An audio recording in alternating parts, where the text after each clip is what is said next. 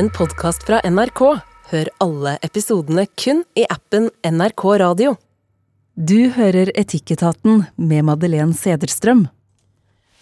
Du är efterkommer efter cirka 10 000 generationer av människor som har sett ut nästan precis som du. Det är lite rart att tänka på. Men det som är ännu mer rart att tänka på det är att 9400 utav de generationerna, de var jägare-samlare. De bodde i- på savannen i små grupper på ungefär 150. Och så möttes de och så fortalte de historier til hverandre Om farer, om var det fanns fina byttedyr og om de andre grupperna.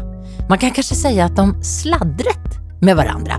Så kanskje sladder i det som gjorde at akkurat dina formødre og forfødre overlevde lenge nok til at du sitter der du sitter idag.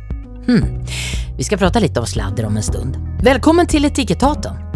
Idag består panelet av skuespiller Henriette Mare, filmskaper Margrethe Olin och som vanligt har vi med oss en filosof.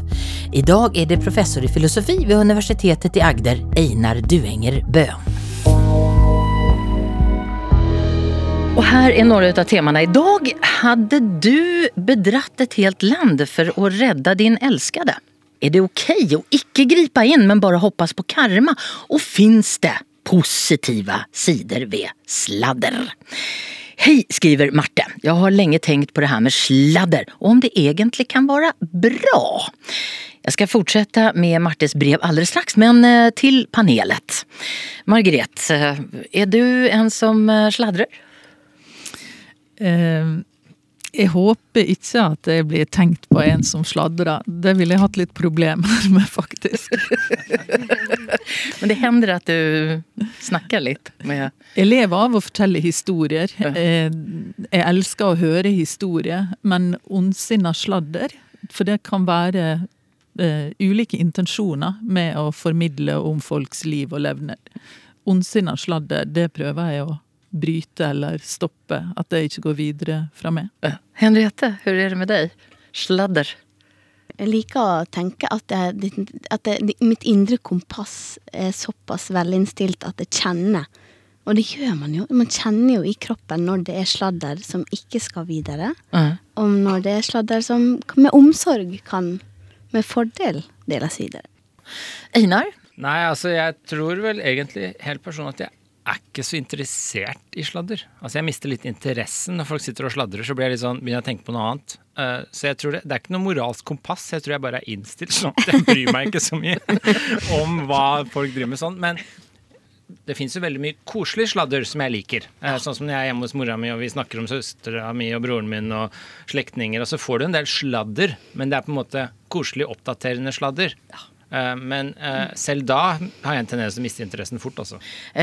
Veldig ofte sier vi jo at det er fy-fy og skamlig, skriver Marte. Samtidig gjør vi det alle sammen. Vi forteller om det seneste vi har hørt om kolleger og venner og familjer. Og vi åker og akker oss litt over kanskje andres ulykke. Vi kanskje fniser litt når noen gjør noe dumt og merkelig. Og samtidig så vet vi at når vi går ut av rummet, ja da kommer de andre sikkert til å gjøre det samme om oss. Men det jeg har begynt å tenke på er om det ligger mye omsorg i skvaller. Vi vet jo ofte at det ikke er så vondt ment. Våra intentioner er jo ikke å skada. Så mitt spørsmål er om denne dissonansen som oppstår i det spørsmålet. Er Är det egentlig ok å sladre litt, eller er det alltid feil? Ja, jeg kaster meg over deg, Henriette. Ja. Ja, du snakket om inre kompass. Når vet du? Jo, altså, i introduksjonen så sier jeg jo det med indre kompass. Og det, det høres ut som at eh, det er like velinnstilt hele tida. Men selvfølgelig er jeg også utrolig nysgjerrig. Um, og det er ikke sånn at hvis noen kommer med noe sladder til meg, eller venninnene mine sier 'vil du høre noe', så sier jeg jo ikke 'nei takk'. Eh, eh, det holder jeg meg for god for. Ikke si et ord mer. eh, så um, hvis jeg skal være ærlig med meg sjøl, så er jeg jo selvfølgelig nysgjerrig nok til å gjerne ville høre sladder. Men man kjenner jo også, hvis man har forsnakka seg en gang, eller man har blitt litt ivrig i en samtale, eller man har prøvd å imponere noen, at man av og til kanskje sitter med en bismak i munnen etterpå. Og den bismaken tror jeg er denne her dissonansen, da, kanskje, som hun prøver seg frem på, hun som sendte mm. spørsmålet. At vi kjenner jo når at åh, det der smakte ikke helt godt, liksom. Det, nå sa jeg for mye, nå ble jeg for ivrig. Nå prøvde jeg å være for kul. Nå solgte jeg informasjon på torget for å bli, virke kul. Eller Det har jo skjedd, det. Jeg prøver jo å være bevisst det, og ofte, heldigvis så kan jo ofte den um, alarmen gå på forhånd også. Jeg kjenner å, nå skulle jeg til å si det, men jeg kjenner nei, det skal jeg ikke si, for det, det har ikke denne personen rett til å vite. Så jeg prøver å ta meg i det og øh, følge min rette snor, som er den magefølelsen, da. Mm. men selvfølgelig, man er jo nysgjerrig, og det var jo litt som du sa i introduksjonen, altså, det med at vi har levd som jegere på savannen. Altså, vi er jo et samfunn Vi er jo folk som bor i lag, og det er det vi er her på jorda. Så hva ellers skal vi snakke om? Margret, du er jo litt eldre än eh, Henriette.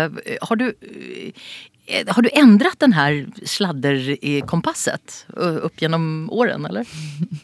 Ja, jeg har blitt verre og verre. Eh, Man gir liksom avkall på alle idealer etter hvert. Nei. nei, men vet du, når min eldste datter begynte på skolen, eh, så fikk hun en lærer som heter Jeanette Sandø, som var et, eh, et veldig klokt menneske. Og jeg, det få eh, jeg har møtt i livet mitt som jeg føler jeg har lært så mye av, som Jeanette. Og sommeren før de skulle begynne i første klasse, så fikk elevene i oppgave, eller disse barna i oppgave å finne en stein og ta med seg første skoledag. Og vi var med første skoledag, og når de da kom inn i klasserommet, noen hadde tatt med en bitte liten stein som fikk plass innerst i handa, og noen hadde tatt en litt sånn større stein. Og så sto det et, eh, en pult da, fremme ved kateteret, og så fikk barna beskjed om å legge steinen sin på dette bordet, og hun la de da i en sirkel. Og så fikk barna tilvist plasser og satt seg. Og så sa hun at eh, noen ganger så kan det være en av dere som ikke kan komme. Av en eller annen grunn. Noen kan bli syke, være borte lenge osv. Eh, men da tar vi eh, stolen ned og setter ved pulten din, eh, hvis du ikke er det. Og så legger vi steinen på, på bordet ditt. Og så sa hun at eh, mm, fordi at eh, i dette rommet så skal vi aldri snakke om noen på en måte som vi ikke ville gjort hvis de var til stede. Og det, det var en Altså, vi er jo rollemodeller. Jeg er jo mor, først og fremst, og så er det filmskaper og menneske. Men man er jo rollemodeller òg, og hvordan vi snakker om andre, eh, påvirker og de vi har rundt oss, da. Eh, men det var første gangen jeg fikk et veldig sånn konkret og fint bilde på det, som, eh, som man òg kan minne barn på, eller å minne seg selv på. da.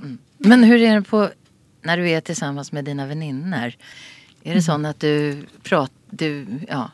Det er noen du deler mer informasjon med enn andre, antagligen. Ja. Jeg har et par veldig gode venninner, men jeg har mer kompiser. Og sånn har det alltid vært for meg. Eh, og, em, så, og det er litt som, som du, som eh, professoren i filosofi sier her, at eh, jeg har ikke vært så mye sånn interessert i liksom, hvordan mennesker lever livet sitt på overflaten, og hva de har gjort siden sist. og Det er jeg lite interessert i, egentlig. Jeg har alltid vært sånn. Jeg liker vel samtaler som går dypere enn det. Men det er klart at jeg har noen nære som Eh, altså Jeg kan være i en situasjon hvor jeg opplever noe med et menneske som jeg trenger å avstemme med noen andre. Hva tenker du, hvordan ville du respondert på, på dette, eller um, så, Men da Jeg tror en setning som jeg sier ofte til mine nærmeste, det er sånn Dette må bli mellom oss. Ja. Mm. At hvis jeg trenger å avstemme noe, så, så er at jeg er trygg på at da blir det i, i dette lukka rommet, da. Eh, fordi det er noe jeg ikke vil, vil skal gå videre. Men eh, alle trenger å avstemme det vi opplever. Det tror jeg er helt avgjørende. Stoler du på det da? At de ikke går videre med det? Ja, de, de nærmeste som jeg har. Jeg har aldri opplevd at de har lekka noe som har vært eh, avgjørende for meg at de ikke gjør. Nei. Det har jeg ikke. Da hadde jeg vel slutta å snakke med de, tror jeg. Om, om sånt, da. Da skal vi til professoren. Ja, Nei, eh, nå har jo Margrethe og Henriette sagt liksom alt det kloke, da. Eh, Så Men det som jeg tror er liksom viktig å tenke på, er jo et par ting kanskje som på toppen av det. Altså det ene er hvis vi ser for oss et samfunn uten noe sladder. Altså det går ikke an. Det klarer vi ikke å se for oss. Og det blir ikke bare vanskelig å se for seg hvordan det skal funke, men det blir også et samfunn som er iskaldt. ikke sant? Altså, du, fordi det å sladre og snakke med hverandre om noen andre, det skaper jo vennskapsbånd. Da er det jo veldig viktig som sånn samfunnslim at vi sladrer. Mm. Uh, uh, og så er det det derre som Henriette var inne på, ikke sant? det der med hvor bra og dårlig sladre er, hvor ondsinna hvor godsinna er, hvordan du behandler det, og hvordan du føler på det sjøl. Altså, de gangene jeg har blitt litt sånn ivrig, som du var inne på, ikke sant? Sånn der, og sagt litt for mye, og så får du ikke sove fordi faen, hvis det kommer ut, det burde jeg ikke ha sagt, og så føler du det veldig dårlig. Og da har du bikka over til den sladderen du ikke vil stå for. Og dette tror jeg handler veldig mye om sånn dydsetikk. Altså dette handler om den typen etikk som handler om hvor, hva slags karakter du ønsker å være. Hvilken rollemodell skal jeg være overfor mine barn? Ikke sant? Så det handler om hvordan du ønsker å fremstå. Eh, og da det er det du må kjenne på, tror jeg. Altså sånn, mm. Vil jeg være den som sladrer mye? Lite? Litt? Vil jeg bonde med noen? Jeg må jo bonde med noen over litt sladder, men du sladrer ikke ondsinna. Eh, Så jeg tror det handler mye om det derre Hva slags person ønsker jeg å være? Ønsker jeg å være sladrebøtta, eller ønsker jeg å være den som på en måte bruker litt sånn sladder til å bonde? Mm. Men ligger det inte lite oppdragelse i sladder? Eh, Henriette, alltså, när, när, eh, när vi sladdrar om någon annan som ligger lite sådär på gränsen till det där sladdret som man egentligen inte ska pyssla med. När det börjar göra lite ont. Ligger det inte lite oppdragelse i det? Vi avstämmer med andra vad, vad, vad som var innanför och vad som är utanför i gruppen. Ja, man, at man kanskje søker en sånn Jeg tenker det her, og hun har gjort sånn eller sånn, eller han har gjort sånn eller sånn.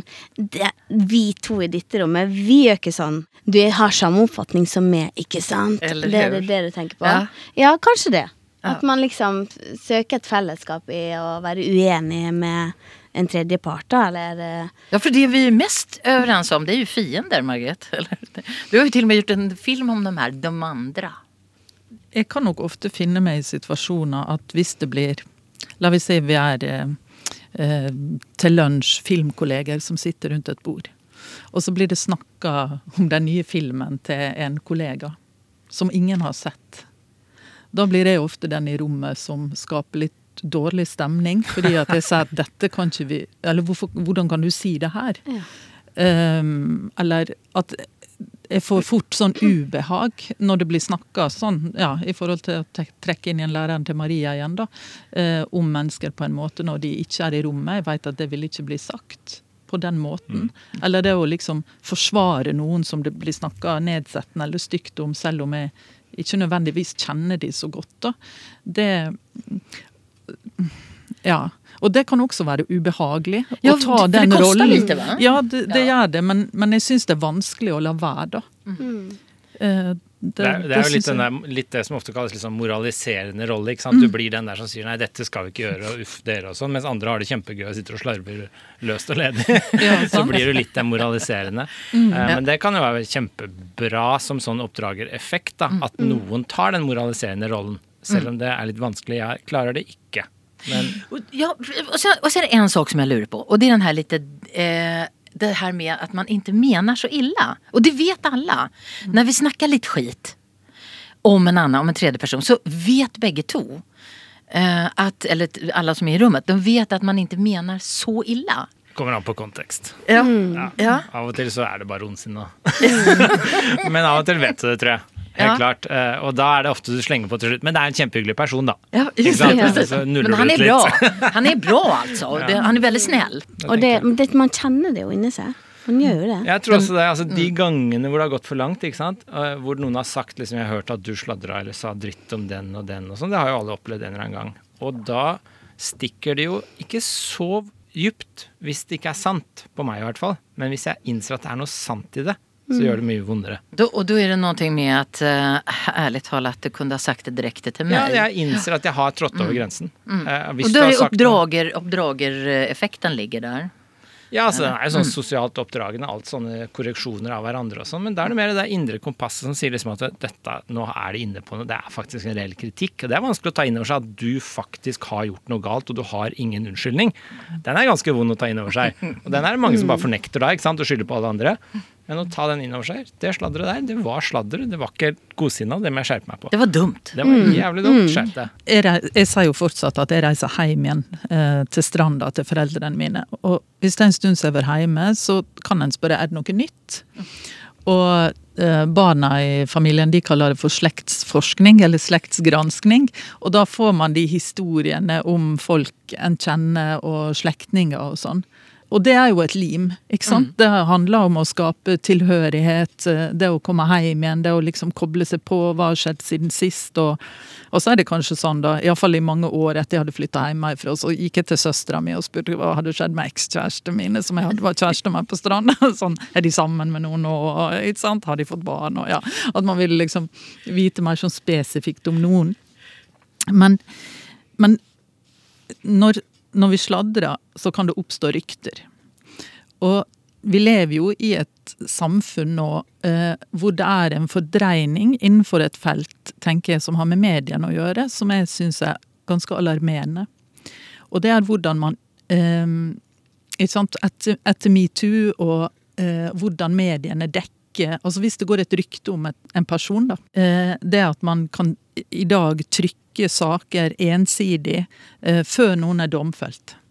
Eh, ved at ett menneske påstår noe om en person uten at vedkommende får mulighet til å svare, eller at mediene kontakter vedkommende og, og, og ber vedkommende svare, men vedkommende kan være i en posisjon hvor han eller hun ikke kan svare, og så velger man å trykke det likevel. Så det er liksom grenseforskyvninger innenfor dette. Hvordan rykter fanges opp av mediene, som vi må være veldig påpasselige med. Eh, For det kan ødelegge liv, det kan ødelegge karrierer, det kan liksom knuse mennesker. da. Og det kan også rykteflom gjøre. Sånn at sladder har òg sider ved seg som er enormt skadelig. Og en ting er at vi som godt voksne kan sitte og snakke om hvordan vi forholder oss til dette, men hva er sladder og rykter i en ungdomsskole? Sånn at eh, vi har et enormt stort ansvar utover det å si eh, ja, men det er jo liksom eh, Det er jo både koselig og det er eh, noe som skaper bånd. Men eh, det er noe som er veldig viktig at vi òg tror er i familier snakker om. Og når det kommer opp noen, at man tør å bli den upopulære i rommet og si at nei, jeg er helt totalt uenig med det, eller hvordan kan du si det, du kjenner ikke vedkommende. Hva vet, Hvilket grunnlag har du for å påstå eller si det? da? Vi ska eh, k- konkludera lite grann eh, till eh, Marte som har skrivit in här. Jag kan säga att det finns, enligt ordboken så finns det en, en definition på sladder. Och det är privat information om namngitte enkeltpersoner. Oi. Ja, och det kan ju vara både positivt och negativt. Mart, eh, då ska vi konkludera med att det beror på intentionen. Eh, det, det sladdret som kommer kan vara positivt og omsorgsfullt. Eh, men det kan också vara negativt. Så det er et både og-svar, som vanlig. Og så vil du ikke overdrive. Det er det som er greia i alle sånne etiske dilemmaer. Du vil ikke overdrive, du vil ikke gjøre for mye av det, du vil ikke gjøre for lite av det. Du trenger den balansegangen. Å finne den sunne balansen er liksom trikset i all etikk og moral.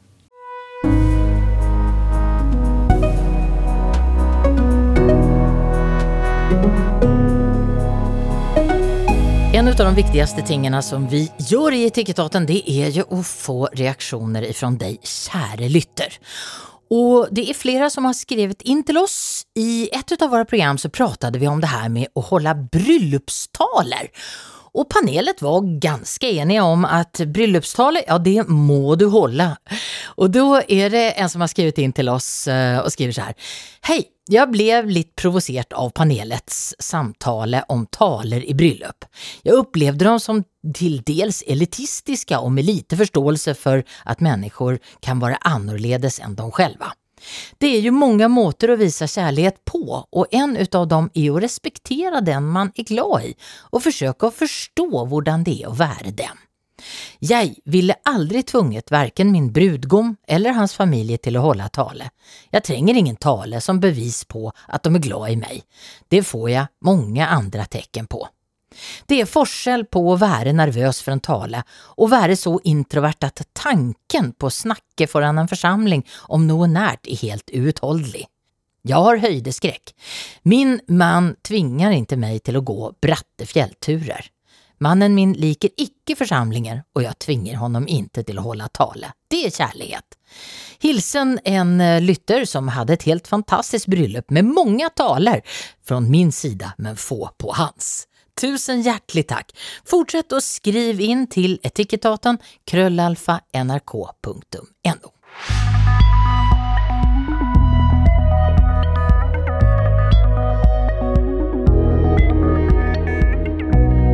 I Etikettatens panel idag skuespiller Henriette Marø, filmskaper Margrethe Olin og filosof Einar Duenger Bøhn. Jeg heter Madeleine Cederström. Vi skal høre på det her. Norge har oppdaget en kvinnelig spion. Ja, det er nå klart at den arresterte er fullmektig Gunvor Galtung Håvik. Hun blir i 1977 tatt idet hun er i ferd med å overlevere hemmelige dokumenter til en russisk agent. Hun skal i detalj ha forklart seg om et nærmest utall illegale møter. Disse møtene har vært både i Moskva og i Oslo. Hør spionhistorien om Gunvor Galtung Håvik. En episk fortelling om svik, forbytting, død og kjærlighet. Spion i skjørt hører du kun i appen NRK Radio. Det handler altså om Gunvor Galtung Håvik. Eh, Hun vikler seg inn i spionasje, og hun får et ultimatum. Eh, Enten så signerer hun på at hun skal levere dokumenter til KGB, eh, eller så torturerer de hennes kjæreste, som er en eh, russer, og sender bilder til henne. Hun står i en helt umulig situasjon, og velger da at eh, svike fedrelandet eh, fremfor å svike kjærligheten. Og da stiller jeg første spørsmålet til, eh, til panelet. Ni skal få lov å svare ganske kort på det her nå til å begynne med. Hva hadde du gjort, Margrethe? Jeg lurer på om det fins en tredje vei. Det kunne vært å gå til hemmelige tjenester i Norge, si hvilket dilemma, press hun står i, spørre om de kan hjelpe henne. Hvis vi sier at det er fullstendig umulig å Henriette, svike et land eller svike en kjæreste, kanskje til og med et barn? Nei, altså, jeg tror dette er et så spesifikt et så spesifikt problemstilling at å svare sånn generelt enten-eller på det er så himla vanskelig. Men ehm, det nære og kjære er jo ehm, det som opptar hjertet og hodet vårt mest, så det ville vært veldig vanskelig. Einar? Nå burde jeg gi et klarsvar, da, siden de to andre har vingla. Men eh, jeg tror dette er sånn klassisk moralsk dilemma. Dette, eksakt dette dilemmaet finner du nesten eksakt finner du i Sartres 'Værende intet', hvor han står, karakteren står mellom valget å gå og kjempe for fedrelandet eller være hjemme og ta vare på sin mor. Og dette er jo et klassisk moralsk dilemma hvor det faktisk, tror jeg, ikke er et svar. Det er et dilemma hvor grunner, moralske grunner krasjer mot hverandre, og det er ikke noe overordna svar. Så det du må gjøre her nå, skal jeg gi et klart svar faktisk, det du må gjøre her nå, det er å veie dette opp mot hverandre. Hvor viktig er trusselen mot nasjonen? Hvor viktig er kjærligheten for denne personen? Er det en fling du hadde i Russland nå siste måneden, eller er det en livslang kjærlighet med tre barn du har? Det spiller veldig stor rolle. Er dette bare noen papirer om liksom hva Norge skal si på neste eh, møte økonomisk forum, eller handler det om rikets sikkerhet og innovasjon? Det er et annet et. Det må veies opp mot hverandre. Eh, og jeg er litt sånn som Henriette kanskje innta mot, hvis jeg tolka deg riktig. Det er at eh, jeg også tenker at den moralske forpliktelsen er sterkere jo nærmere det er. eh, Og svekkes jo lenger ut du kommer i sånne moralske sirkler. Så jeg tenker, jeg ville jo tatt vare på min familie før jeg tok vare på nasjonen, f.eks. Det ville jeg jo personlig gjort. Mm. Jeg tror jeg har en sterkere moralsk forpliktelse overfor mine sønner enn jeg har overfor eh, statsministeren. ikke sant? Eh, Slik at eh, et, Men det er noen som er uenig, da. Så jeg, jeg tror jeg ville veid opp. Hvor dyp er denne kjærligheten? Hvor viktig? Hvor en, hva slags forbindelse har jeg til denne russeren? Og hvor alvorlig er trusselen mot landet? Av og til så burde du nok ofre en av dine nærmeste for landet. Hvis det står om en atomkatastrofe, liksom, eh, så tror jeg jeg ville ofra kanskje Eller jeg vet ikke om jeg ville faktisk gjort, men jeg burde ha ofra en av mine nærmeste. Eh, Men så tror jeg kanskje jeg faktisk ikke hadde gjort det hvis det var en veldig dyp kjærlighet. ikke sant? Så jeg tror det er sånn veldig interessant dilemma, da. Henriette, kommer tilbake til deg. For at du er, som skuespiller så, så er du van ved å sette deg inn i andre menneskers beveggrunder. Hvorfor gjør de som de gjør? Har du vært i nærheten av et sånt her dilemma, at man er tvungen å ofre noe utrolig for å oppnå det som man gjør? Ja, man støter jo på tekster og roller rolle som krever at du må forsvare noe som utafra ser ut som um, noe som er ondt, mm. eller uh, umoralsk, eller uh, Ja, det, det støter han jo på hele tida i dette arbeidslivet. Og, og det er jo som skuespiller en, en største jobb, det er å forsvare det. Mm. Hvorfor, hvordan kan jeg på en troverdig måte gå inn her og forsvare disse onde handlingene? Og det går alltid an. Mm. Margrethe, du har akkurat kommet tilbake fra Auschwitz. Mm. Jeg var der for første gang for en og en halv uke siden i forbindelse med at Fedrelandet var åpningsfilm i Krakow. Og så eh, forsinka jeg billetten hjem, sånn at jeg kunne dra til Birkenau og Auschwitz eh, da for første gang. Um, og det er jo noe jeg tror man trenger et liv på å prosessere. Um, det er uh, å ta inn omfanget, Uh, størrelsen på særlig Birkenau, den leiren, og lidelsen. Det å være til stede på noen spotter i der hvor det nesten Altså, vi prosesserer jo òg alt vi har lest og hørt og sett av filmer når vi er der, men det var noen steder hvor det var så vondt å være at det var som at det var et hull i atmosfæren, at det ikke fantes luft der, da. Foran den veggen i Auschwitz 1 hvor de har skutt så mange mennesker, eller mm. inne i fengselet, i fengselet hvor de har drevet og torturert mennesker. Altså, du, så hvis en går tilbake til det dilemmaet, da, så tenker jeg at det handler veldig mye om Er det i krigstid eller fredstid mm. hun eller vedkommende står over for det å skulle lekke informasjon eller svikte sitt land, da. Og det er klart at hvis alle satte sine nærmeste foran, så hvilke samfunn hadde vi levd i da? Ja. Noen må ta det offeret. Eh, jeg sier ikke at jeg hadde gjort det, eh, men jeg er glad for at noen gjør det. Eh, I dag så har vi en krig veldig tett på oss. Og i denne sommeren og vakre været i Norge så er det lett å glemme det, men vi har mange som har kommet fra Ukraina og hit. Mm, vi har mødre som sender, eller ikke nødvendigvis sender, men de har sønner som velger å dra i krigen, eh, i frontlinja.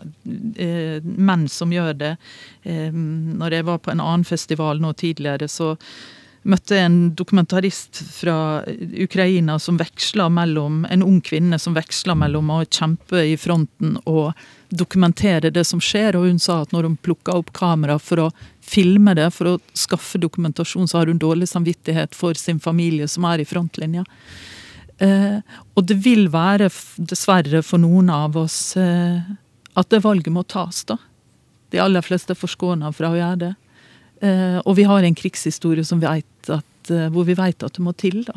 Og det å være i Auschwitz, det minner en på, på, det alvoret. Mm. Eh, men også hvilken pris det har hatt for motstandsbevegelsen, f.eks.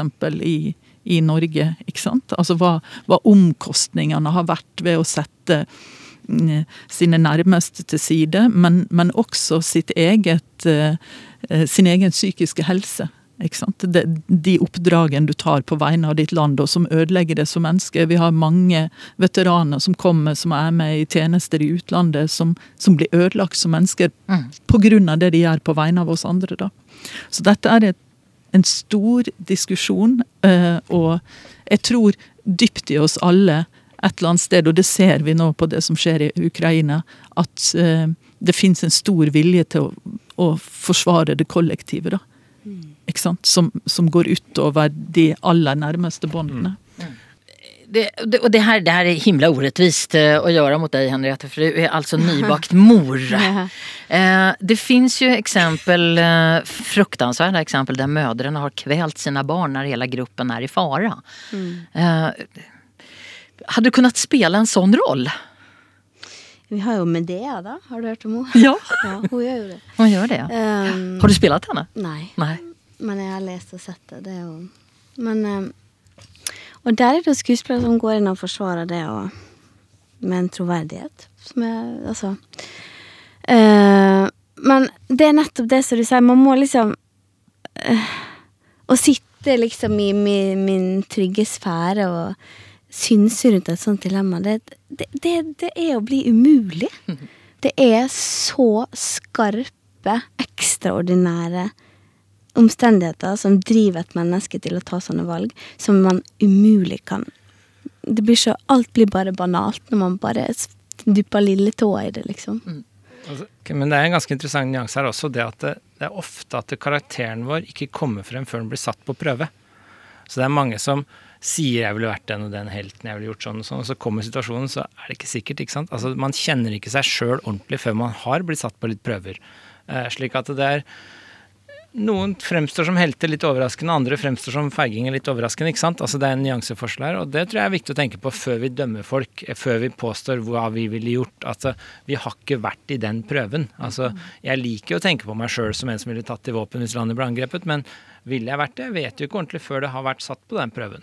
Eh, Det er en litt sånn nyanse som vi ikke skal ta for lett på, tror jeg, når vi sitter her eh, trygt og godt og jeg tror som eh, Henriette sa, det, er alltid mulig å finne en grunn for å forstå en situasjon. Fordi hvis du setter deg inn i karakteren, så er det alltid en grunn for at den gjør det den, personen gjør. Og da er det viktig å prøve å forstå den grunnen da, når du skal forstå en karakter. Eh, I det her fallet så behøver vi ikke konkludere så mye, for dette var taget rett ur en dokumentar som altså heter Spionen i skjørt og som man kan lyssna på på appen NRK Radio. I TV-teaterns panel idag skuespiller Henriette Marø, filmskaper Margret Olin og filosof Einar Duenger Bøhn. Kjære Etikettat skriver Cecilia. Jag och min partner har försökt att få barn länge. Efter många misslyckade försök så förtvaltade vi det här till min partners familj och spurte om det kunde vara arvliga orsaker. De svarte nej och de var tydliga på att det inte var någonting vi skulle tänka på. Men efter en stund så finner vi ut att min partner har en arvlig genfejl. Det är svårt för honom att göra mig gravid med ett levande barn. Då visar det sig att hans far fick påvist detsamma när han blev utredet. De holdt ikke det her bare skjult for oss, det løy om det bevisst når vi spurte, og vi er selvfølgelig helt knust og har kuttet all kontakt med dem. Men nå mener de at vi er urimelige. Er vi det? Einar? Ja, det jeg synes det var litt urimelig, for Reaksjonen skal jo stå i forhold til gjerningen, så å si. Mm. Og jeg synes det var litt urimelig å kanskje kutte all kontakt, for det er jo ikke foreldra sin skyld, det her. De har jo holdt tilbake informasjon, de har kanskje løyet litt, men det kan jo for alt vi vet ha vært for av hensyn til andre ting. Det er jo ikke foreldras skyld at de ikke kan få barn. Eh, Så jeg syns det var litt hardt å kutte all kontakt. Du kan være sur fordi de jugde, men jeg vet ikke. Mm. Margret? Hvis dette hadde skjedd med meg, så jeg ville selvfølgelig først blitt uh, skuffa og lei meg og sånn, men jeg tenker òg at jeg ville, jeg ville lurt på veldig hvorfor de holdt tilbake den informasjonen, og hvorfor de da eventuelt løy om det. Det for det, det vi ikke veit, er liksom Har både svigermor Har svigermor også visst om dette? Kan det være en situasjon hvor eh, eh, svigerfar på et tidspunkt får vite at eh, det er vanskelig for han å få barn? Men så blir kvinnen hans gravid, og de får et barn. Og han lever med gjennom hele sitt liv. Han elsker sin sønn, men han veit ikke om han er faren til sønnen. Det kan være en annen hemmelighet som ligger ligger der. sant? Ja. Uh, og han har aldri turt å ta det opp, for han vil ikke vite svaret. Fordi han elsker sin sønn overalt på jord. Og når dette spørsmålet kommer til de, så veit ikke svigermor om det. Han holder det tilbake, fordi at da ville det kanskje kommet opp en eh, At det må foreligge en farskapstest. Og det vil ikke han vite. Også for å beskytte sin sønn. Så her kan det være en dyp kjærlighet og et helt liv at du har båret på tvil om du er eh, din, ditt barns far, da, som mange menn har levd med gjennom historien.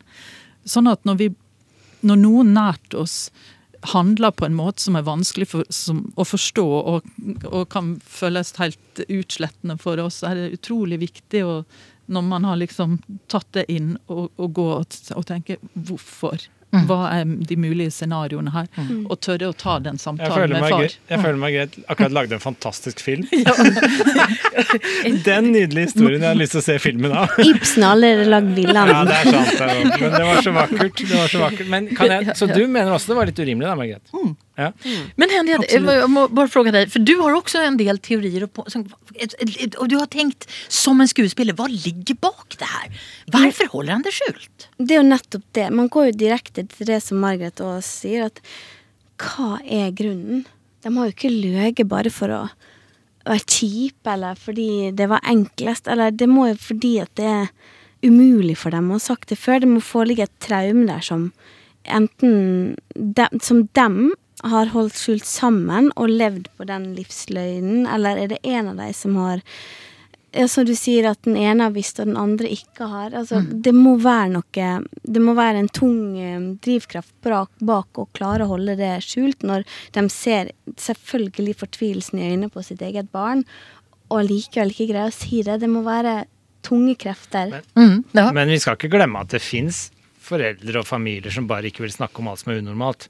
Så bare sånn, det er, her, Dette er litt unormalt. Vi snakker ikke om du bare legger et lokk på. De familiene fins. Så det kan jo for alt vi være Nå har vi vært veldig sånn forståelsesfulle. Det kan være at foreldre bare er kjipe og sier liksom dette er- uff, dette skal vi ikke snakke om.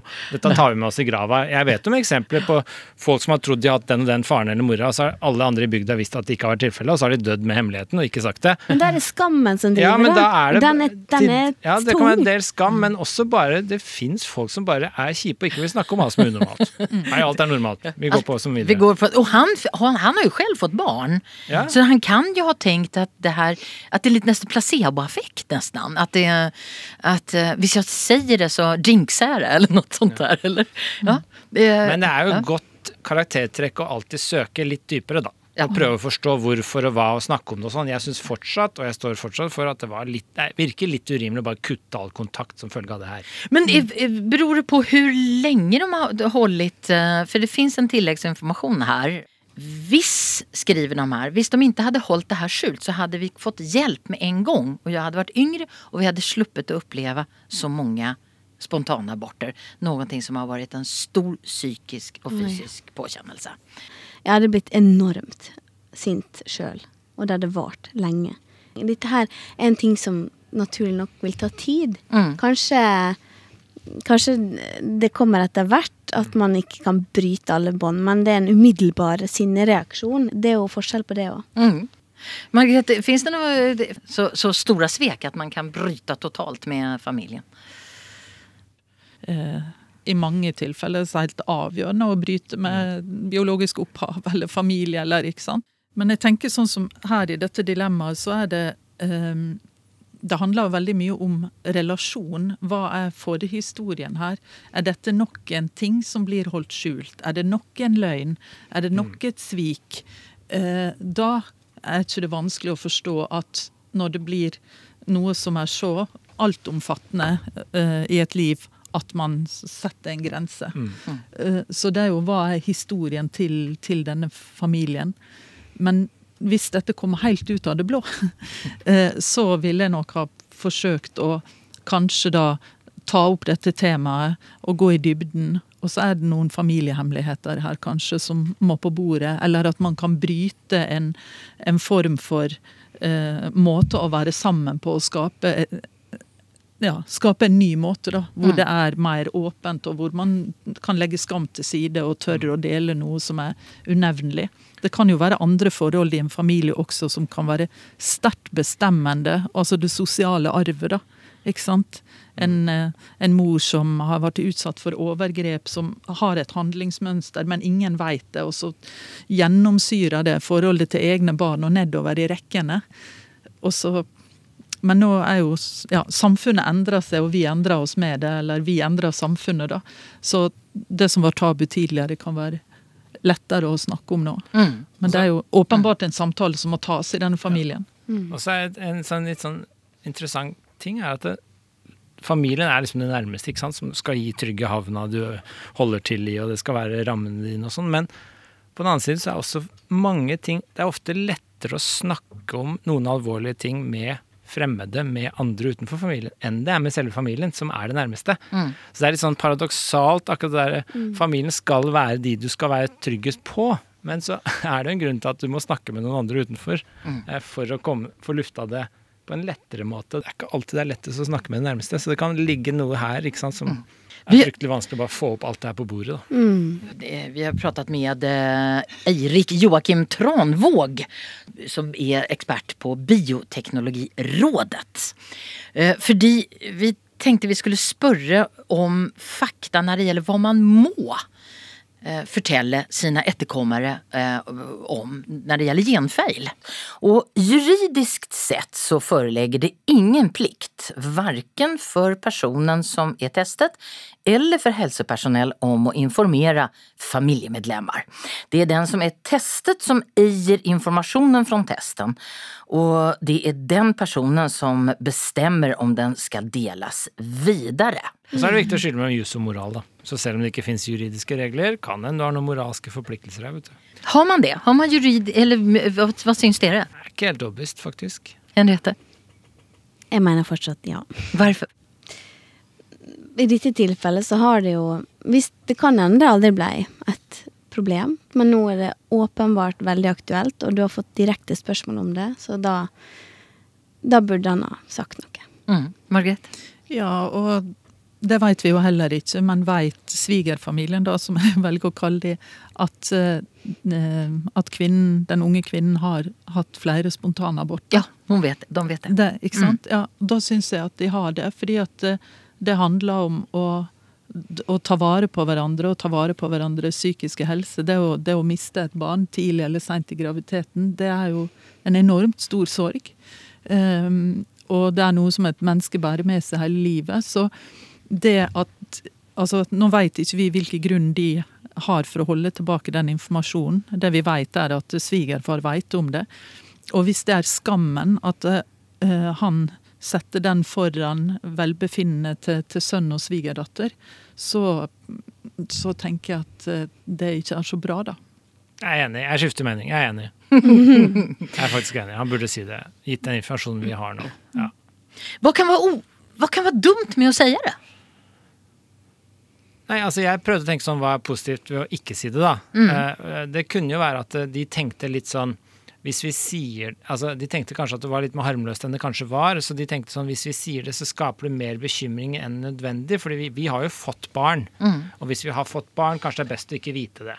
Noe informasjon er best å ikke vite. ikke sant? Jeg vil aldri teste meg for hvor stor sjanse det er for at jeg får kreft, f.eks. For fordi det ville bare bekymra meg mer enn noe annet. Så noe informasjon er jo best å ikke vite. Og Kanskje det kunne være noen sånne grunner som bevega foreldra. ikke sant? Eh, til at Det er best at de ikke vet det, så får de bare prøve litt, så kanskje det blir unger av det. For vi får ikke gjort så mye med det likevel. Kanskje det er litt sånn blanding av uvitenhet og holde igjen sånn for deres egen skyld. Men så er det masse hjelpemidler som kan hjelpe de, og så burde de kanskje sagt det tidligere, og så er det andre ting som spiller inn. Men sånn tenkte jeg kanskje kunne tale litt for å si det, da. At det var dumt å si det, for det ville skape bare mer bekymring. Ser ni, ser ni noe, noen, po- positivt med å holde igjen den informasjonen? Akkurat i dette tilfellet så nei. Nei, jeg er nok heller ikke det også.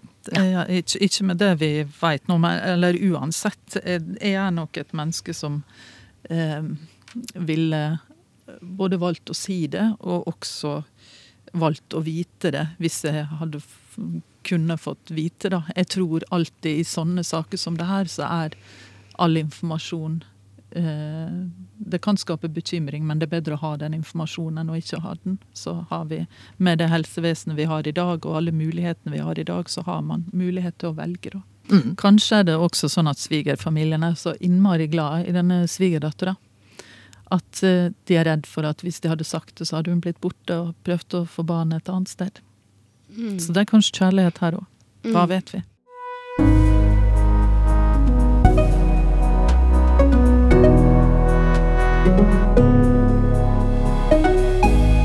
Etikettatens panel idag är skuespiller eh, Henriette Mare, eh, filmskaper Margret Olin och filosof Einar Duenger Bøhn. Och jag heter Madeleine Cederström. Hej, skriver Elisabeth. Jag lurer på vad Etikettaten menar om karma. Jag syns ofta att många människor får som förtjänt. Kanske inte med en gång, men i alla fall i längden. Och det här har blitt så ledande för mig att jag ofta lar være å hevne meg hvis jeg føler meg tråkket på.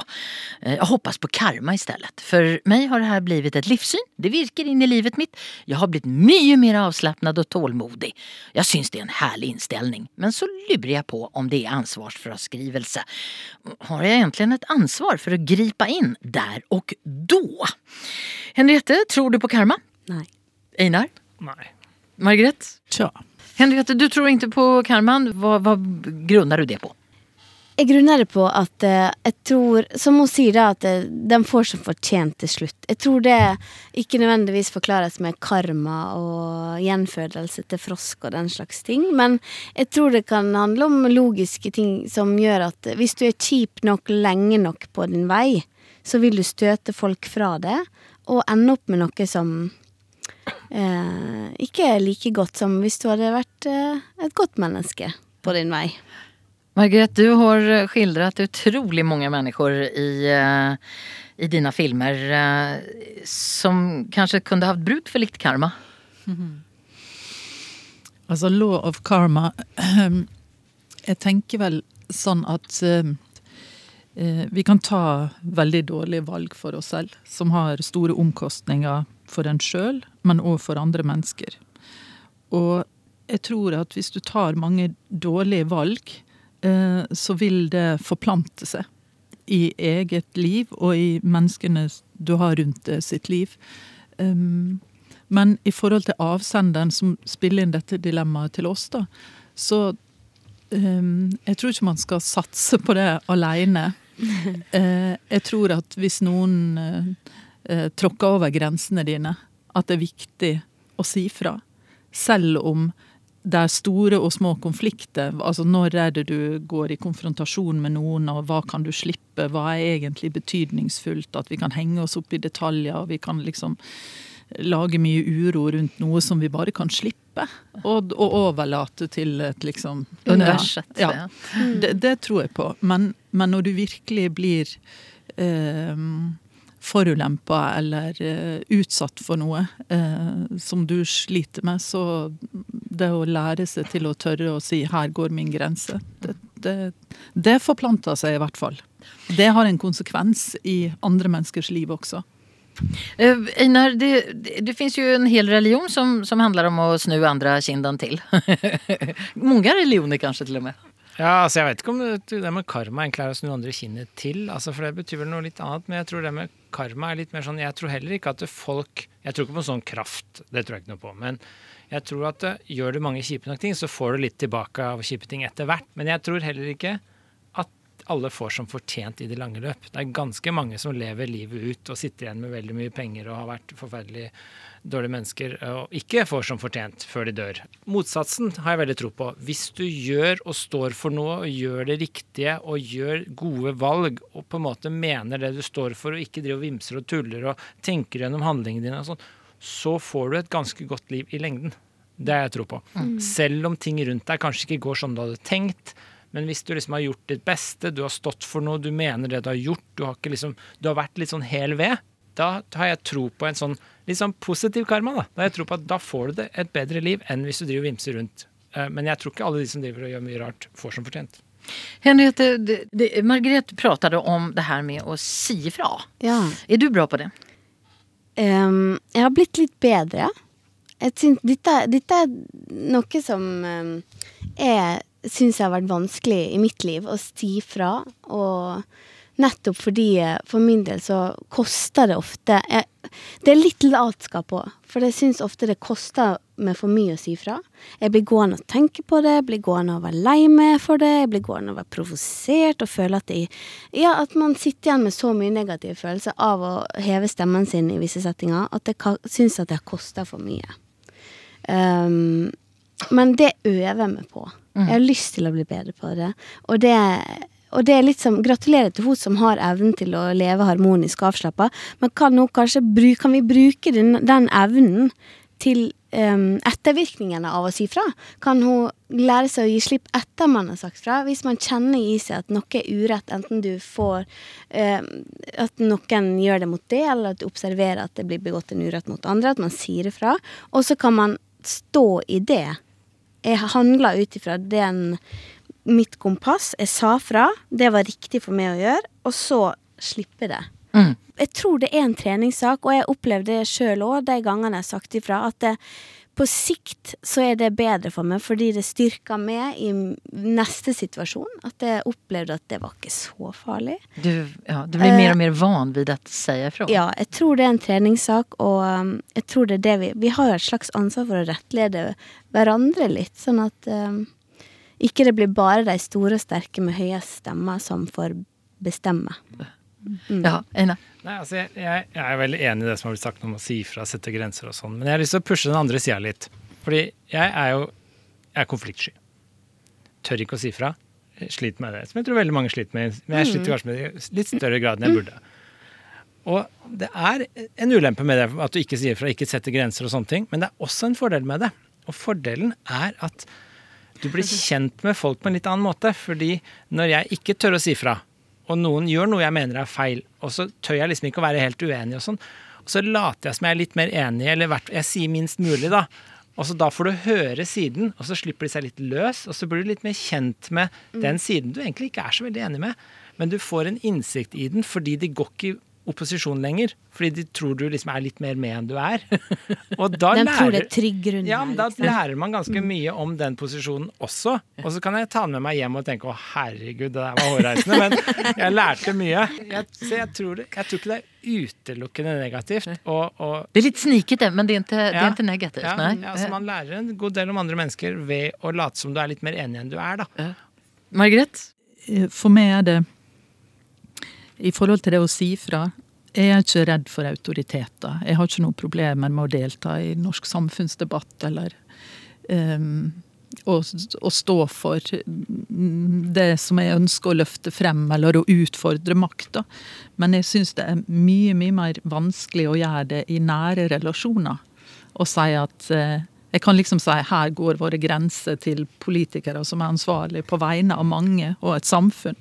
Men å gjøre det overfor meg sjøl og si nå tråkker du over min grense, dette aksepterer jeg ikke, da kan jeg kanskje være litt mer sånn som det. At jeg lar dette mennesket utspille seg, og så tenker jeg shit, her er det bare å komme seg ut bakdøra. Og så blei det med det møtet der, liksom. Henriette, hva er det som har gjort at du eh, da har beveget deg til å bli en menneske som kanskje tør å si fra mer? Det er jo noen ganger at man står i en situasjon der det er urett, liksom, urettferdig, eller kan jeg bare snakke ut fra ting Opplevelser man har, eller at noen sier noe som ikke er greit. Og da har jeg Syns jeg det er deilig å tørre å si sånn Dette der du sa nå, det var ikke helt Det var ikke greit. Det føltes eh, Det er ikke riktig det du sier, og det føles ganske kjipt å høre det. Eller at man bare kan har evnen til å stå opp for seg sjøl eller andre man hører dette om, da. Det tror jeg er sunt for alle involverte. For en, ens egen sjølfølelse også, at man har Man er verdt å si meninga si. Selvfølgelig det Den uroen man opplever etterpå, ikke blir større enn en evnen til å stå opp for seg sjøl, da. Och det, hvordan, vilka reaktioner får du? når du steller opp for deg själv? Det blir jo ofte litt sånn Oi, der kom det en motreaksjon. Det var ikke forventa. Og det tror jeg mange har godt av. Margaret? Jeg bare tenkte på det når du snakka, Henriette, at det å stå opp for seg selv Jeg øver meg på det. Jeg blir stadig bedre. Fordi jeg ser at det at jeg ikke har gjort det i en del sammenhenger, har ringvirkninger overfor mine barn, f.eks. Eh, og det handler jo om at de begynner å bli voksne, og at de kan se sine foreldre og komme med adekvat feedback, eller liksom eh, stille med spørsmål som er vanskelig å svare på. Hvorfor sa ikke du fra om det, eller hvorfor lot du det tråkke på der, eller sånn, da. Eh, Så det er en sånn pågående livsøvelse. Men det handler jo mye om sårbarhet. Fordi at det å På den ene siden så er det å sette grenser. Men på den andre siden er det også noe med å si hva du ønsker. Og da må du ha et dypt kontakt med deg sjøl, og, og stille din egen sårbarhet åpen, og tåle å bli valgt eller ikke valgt, eh, eller eh, at det å si fra til mennesker du er glad i, og så er du redd for blir de borte nå, eller ser de meg på en helt annen måte, eller hva gjør dette med vår relasjon? Så det følger mye sårbarhet med det. Kan det vara umoralskt lite grann det som hon eh, säger, eh, Elisabeth, at hun bare stoler på karma? Ja, altså Det kan jo være litt umoralsk i den forstand at det er ansvarsfraskrivelse til syvende og sist. At du ikke gidder å si fra lenger. Uh, og du bare hviler på en litt sånn støtte om karma, som er en måte å slippe det, som vi var inne på tidligere. Men jeg må innrømme at sånt i avslutning, jeg fikk litt sånn personlig åpenbaring akkurat nå. Fordi jeg tror det er veldig viktig å skille mellom å stå for og tørre å si fra hva du mener, og det å stå opp for deg sjøl om hva du følte. Veldig stor forskjell. Og jeg tror, når jeg snakka om å være konfliktsky, så er det det siste, ikke sant. Jeg har ingen evne til å stå opp og si 'nå føler jeg det og det', eller 'nå føler jeg et overtramp', 'nå følte jeg at du gikk for langt'. Det, det skjer ikke i min verden. Men jeg kan stå for en hvilken som helst hårreisende mening i en hvilken som helst setting. Det er ikke noe problem med. så, så, jeg tror det er veldig viktig den derre Jeg tror det er det som er mitt problem. Jeg vet ikke om jeg skal ta det her på radioen, men jeg bare føler at jeg hadde en liten åpenbaring nå. Altså Min konfliktskyhet går på det derre Følte jeg meg mistilpass? Var jeg krenka? Alt det der, det har ikke jeg noe evne til å uttrykke. Jeg mener følelser er til for å føles, ikke snakkes om. Nei, jeg vet ikke. Jeg vet ikke. Men jeg bare tror det er viktig å tenke på den forskjellen mellom altså Det kan være nyttig å finne balansen på begge de, da.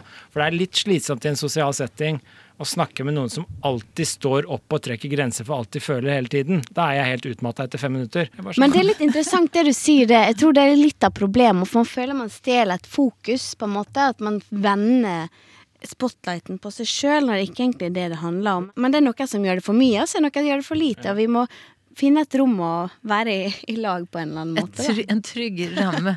ja. ja. Men alt skal ikke være så trygt heller. Det skal være trygge rom hele tiden. Det syns jeg er helt hårreisende. Verden er jo ikke trygg. Skal ungene mine gå rundt i trygge rom hele tida? Hva skjer når det ikke er trygt, da? De må jo komme seg ut i utrygge rom av og til. Ja, hva sier vi til Elisabeth, da? Om hun har kontakt med sine egne følelser og, och också også kontakt med hva hun mener, bør hun si fra mer enn å tro på karma? Kanskje hun kommer sterkere tilbake når hun ser at karmaen ikke oppfyller alltid sine lover, og at det er noen som ikke får så fortjent.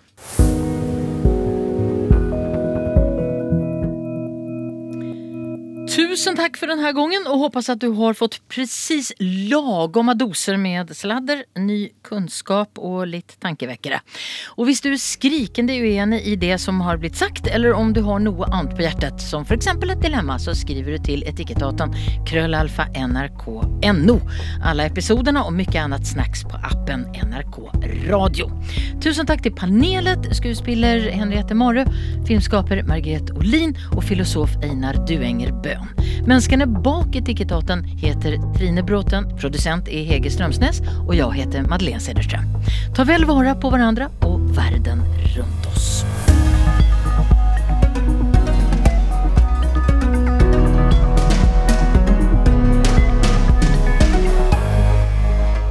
Du har hørt en podkast fra NRK.